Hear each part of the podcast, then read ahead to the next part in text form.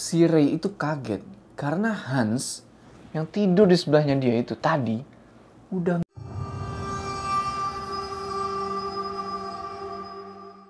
Assalamualaikum teman-teman, balik lagi sama gue Joe.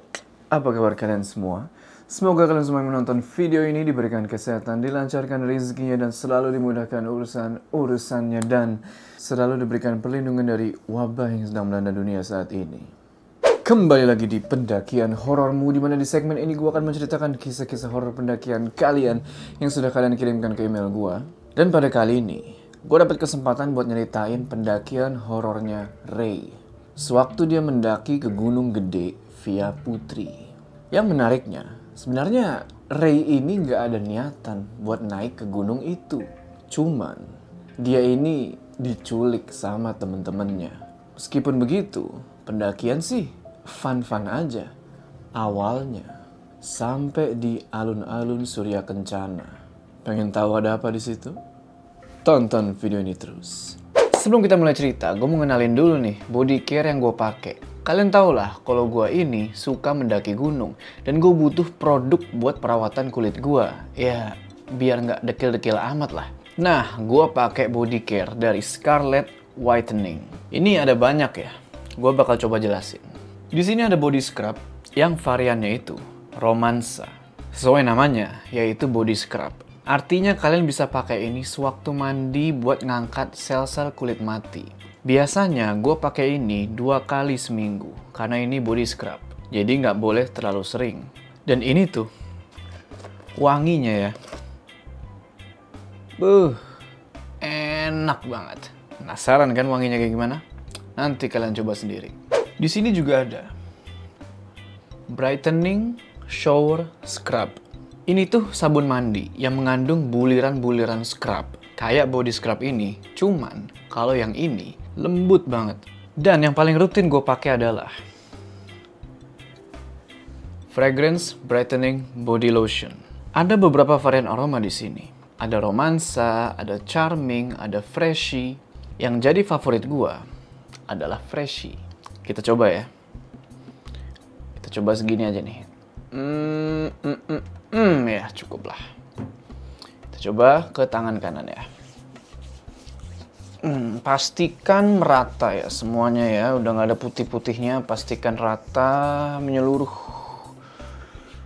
Uh.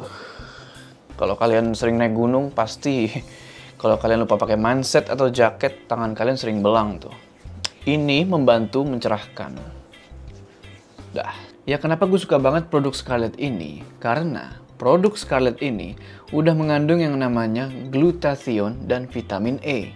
Yang di mana glutathione dan vitamin E itu bagus banget buat mencerahkan kulit. Terutama buat orang-orang yang suka main di outdoor nih, kayak gua. Nah, bagi yang mau beli produk ini, cek link di deskripsi ya. Udah, nggak usah lama-lama lagi. Udah siap ya? Mode horor aktif.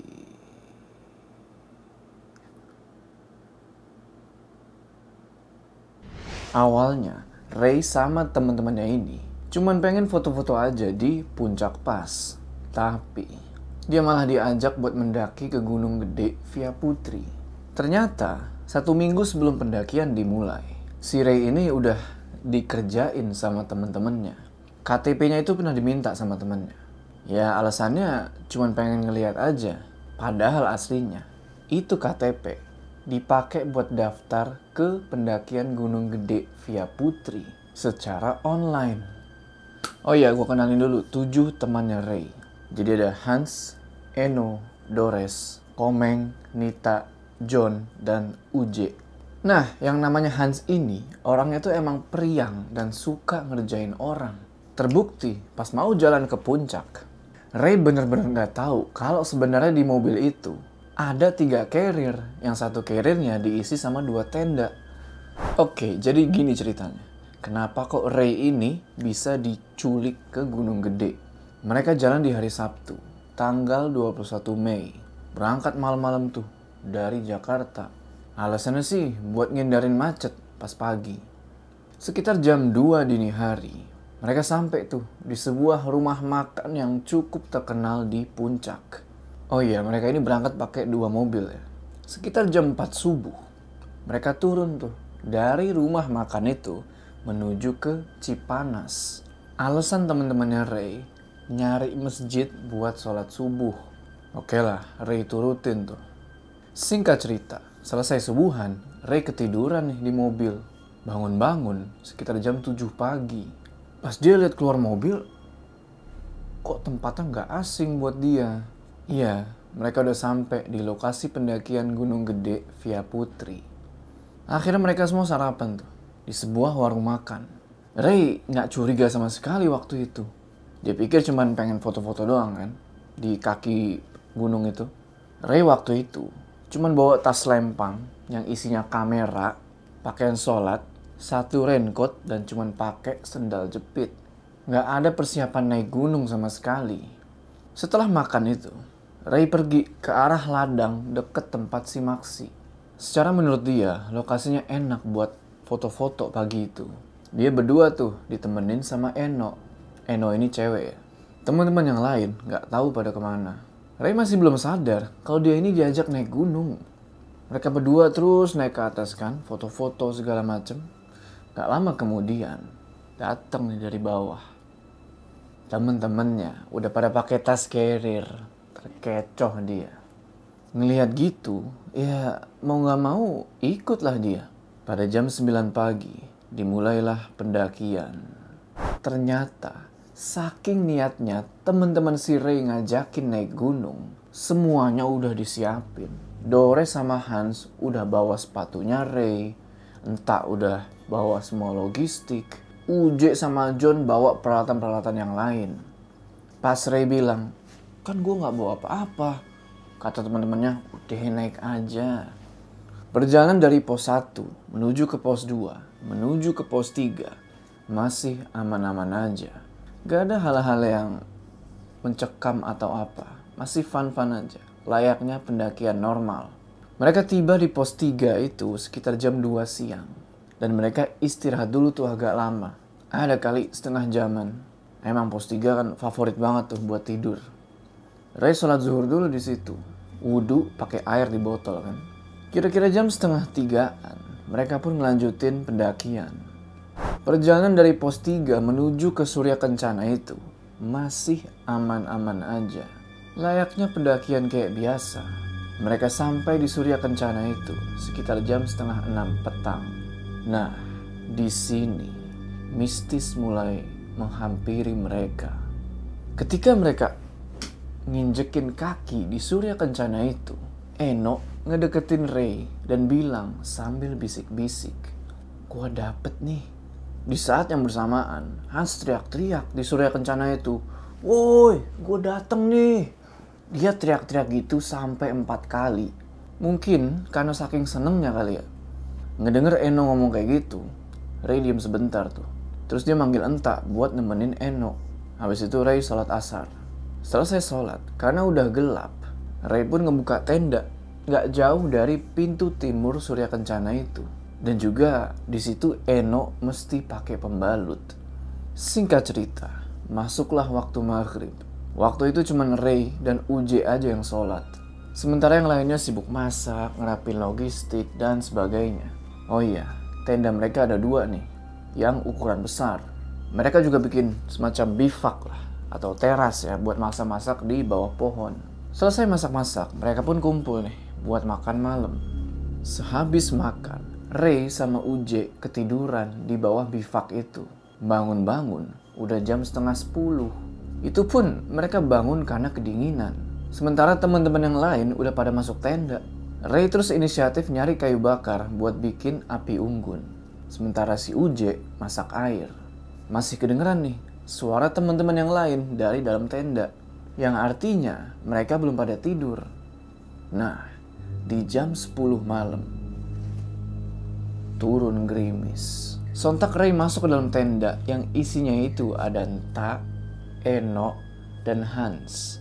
Nah si Hans ini lagi tidur di pojok sebelah kanan. Belum lama masuk tenda, Uje manggil-manggil dari luar. Minta buat ngecek flysheet, takutnya tembus. Oke, setelah ngecek flysheet segala macem kan, aman. Mereka masuk lagi ke dalam tenda. Gak lama kemudian, hujan yang tadinya cuman gerimis, berubah jadi deres. Di dalam tenda itu, Ray ngobrol-ngobrol nih sama Entak. Ya Entak curhat-curhat lah di situ. Jadi posisinya itu kayak gini ya, kurang lebih ya. Ini gue Ray nih kan.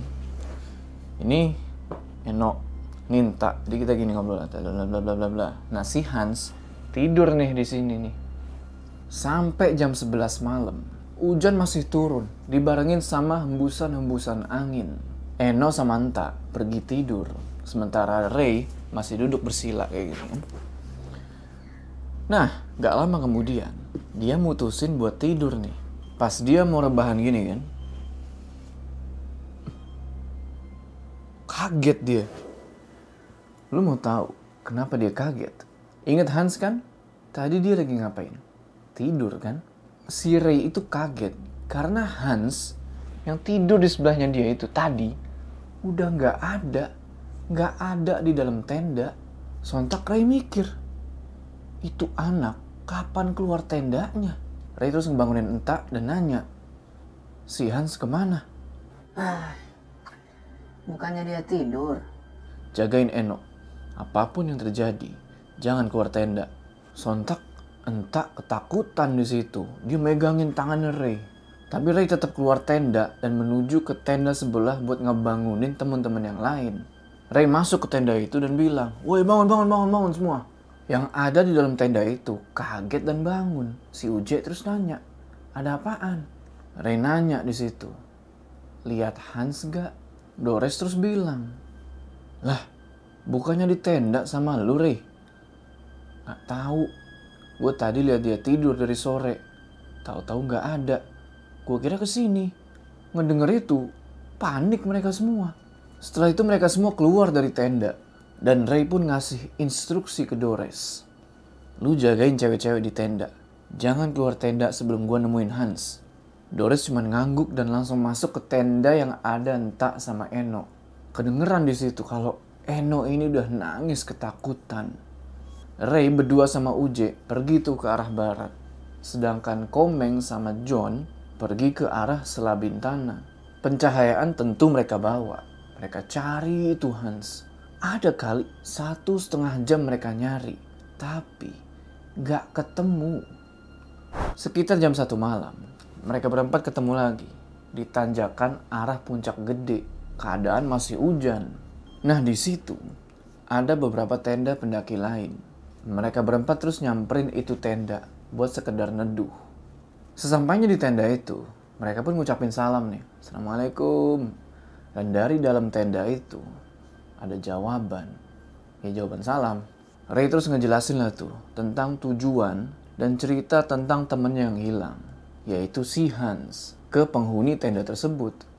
Ada sekitar 20 menitan Ray sama teman-temannya berteduh di situ. Gak lama kemudian, tiba-tiba, Woi, woi! Sontak Ray nyorotin senternya ke arah suara tersebut. Ternyata ada pendaki lain yang nemuin seseorang dalam kondisi telungkup atau tengkurap. Pas disamperin sama Ray, ternyata seseorang lagi telungkup itu, ya kalian benar, itu adalah Hans. Ray pun minta tolong sama pendaki lain buat ngejagain Hans itu. Lalu dia, Uje, dan Komeng balik ke tenda yang ada di pintu timur. Yang ada Entak, Eno, sama Dores. Sedangkan John stay di situ buat nemenin Hans yang masih belum sadarin diri sama pendaki-pendaki lainnya. Waktu udah menunjukkan jam 2 lewat 15 dini hari. Ray, Uje, dan Komeng sampai ke tenda. Mereka semua langsung packing tenda dan peralatan-peralatan. Setelah semuanya udah selesai, kira-kira jam 3 pagi itu, mereka semua udah siap nih buat pindah ke lokasinya John dan Hans. Waktu itu masih hujan loh, cuman ya rintik-rintik doang, nggak deres. Ray di situ bawa dua carrier sekaligus. Uje sama Komeng masing-masing bawa satu carrier dan satu daypack di depan. Sedangkan yang cewek-cewek ya melenggang aja mereka. Sebelum mulai jalan, Ray iket tuh pinggang temen-temennya pakai tali prusik punya si Komeng. Tujuannya jadi biar nggak mencar gitu. Jadi itu tali diikat di satu terus disambungin lagi ke satunya, sambungin lagi ke satunya dan seterusnya gitu. Ngerti kan? Kenapa Ray begitu? Soalnya kondisi malam itu benar-benar gelap. Ya, supaya nggak ada yang mencar aja. Oke, jalanlah mereka tuh. Sekitar jam 3 lewat 40 menit, hampir sampai ke tempat Hans ditemuin. Tiba-tiba, truk, Eno jatuh. Dan karena tali di pinggang itu nyambung antara satu dan yang lainnya, ketika Eno jatuh, jatuh semua. Di situ, Eno bukan sekedar jatuh, tapi kesurupan. Carrie terus mereka taruh semua tuh di tanah. Terus mereka tutupin pakai raincoat. Uje lalu inisiatif buat duluan sama Entak ke lokasinya Hans. Sementara Ray sama yang lainnya ngangkat Eno dan jalan ke arah Hans juga. Carrie mereka tinggal di situ untuk sementara. Setelah semuanya udah sampai di tempat Hans ditemuin, Ray sama Komeng pun balik lagi buat ngambil carrier yang mereka tinggal tadi. Singkat cerita, sekitar jam setengah lima subuh, baru mereka bisa ngedirin tenda di dekat lokasi Hans ditemuin itu. Hans waktu itu udah siuman di tenda pendaki lain.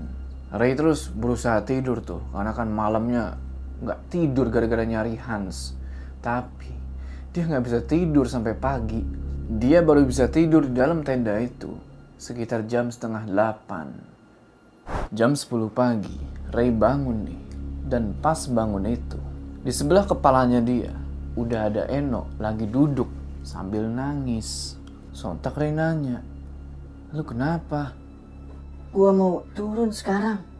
Ray langsung nenangin Eno di situ. Setelah itu dia manggil teman-teman yang lain buat berunding nih. Pengen turun sekarang atau gimana? Akhirnya diputusin lah kalau mereka bakal turun ke base camp sekitar jam setengah 12 siang lewat jalur yang sama. Singkat cerita, perjalanan turun pun dimulai dan ketika mereka masuk ke pos 4, hujan itu turun deras banget. Mereka berdelapan jalan sambil tertatih-tatih. Eno terus megangin tangannya Ray sambil bilang, gua takut, gua takut. Jam setengah lima sore, mereka semua baru sampai di base camp. Nggak pakai lama, Eno langsung dibawa menuju ke sebuah homestay. Dia lemes di situ mungkin karena efek menstruasi dan kelelahan. Eno tidur di situ. Pas Eno bangun, pada cerita-cerita lah tuh, apa aja yang udah terjadi di atas gunung itu. Jadi, pas Ray keluar tenda buat nyari Hans, ninggalin Eno dan Enta, Eno bilang kalau nggak lama setelah Ray tinggal, dari belakang tenda mereka ada suara. Dan Enta pun membenarkan apa yang dibilang Eno. Eno terus cerita lagi. Di saat mereka semua mau balik lagi ke tempatnya Hans yang lagi telungkup, inget kan yang Ray ngiket tali di pinggang dia sama pinggang teman-temannya? Terus gak lama mereka jalan, Eno jatuh. Jadi Eno bilang, kalau dia jatuh itu bukan jatuh ke sandung atau apa, tapi karena dia ditindih sama suatu sosok. Sosok itu pakai baju putih dan berambut panjang. Bisa dibilang mirip kuntilanak, cuman menurut gue ini lebih kuat. Sampai pagi, Eno masih kebayang-bayang sama sosok itu. Lalu, ketika mereka turun gunung, sosok baju putih itu ternyata masih ngikutin mereka. Dan yang jadi inceran sosok itu adalah Hans. Ingat gak sama Hans yang tiba-tiba hilang dari dalam tenda? Ya, kalian benar. Sosok itulah yang ngebawa Hans pergi. Walau alam gimana caranya. Secara, Ray itu tepat di sampingnya Hans. Nah, pesan dari penulis nih. Ketika pendakian, kalau kalian mendapati teman kalian yang cewek itu tiba-tiba hide, jaga betul itu cewek. Karena cewek yang lagi hide itu mengundang. Soalnya bisa dibilang cewek yang lagi hide itu wangi buat makhluk-makhluk yang ada di sana. Meskipun ya perlu dicatat juga nih, nggak selalu pasti cewek yang lagi hide itu diganggu. Cuman kemungkinan besar. Oke teman-teman, gimana tuh tadi ceritanya? Tulis pendapat kalian di kolom komentar ya. Sebelum kita berpisah, jangan lupa kalian like video ini dan bagi yang belum subscribe, ayo subscribe sekarang ke channel ini supaya kalian gak ketinggalan cerita-cerita horor selanjutnya. Gua Jo, sampai ketemu di cerita selanjutnya. Psh.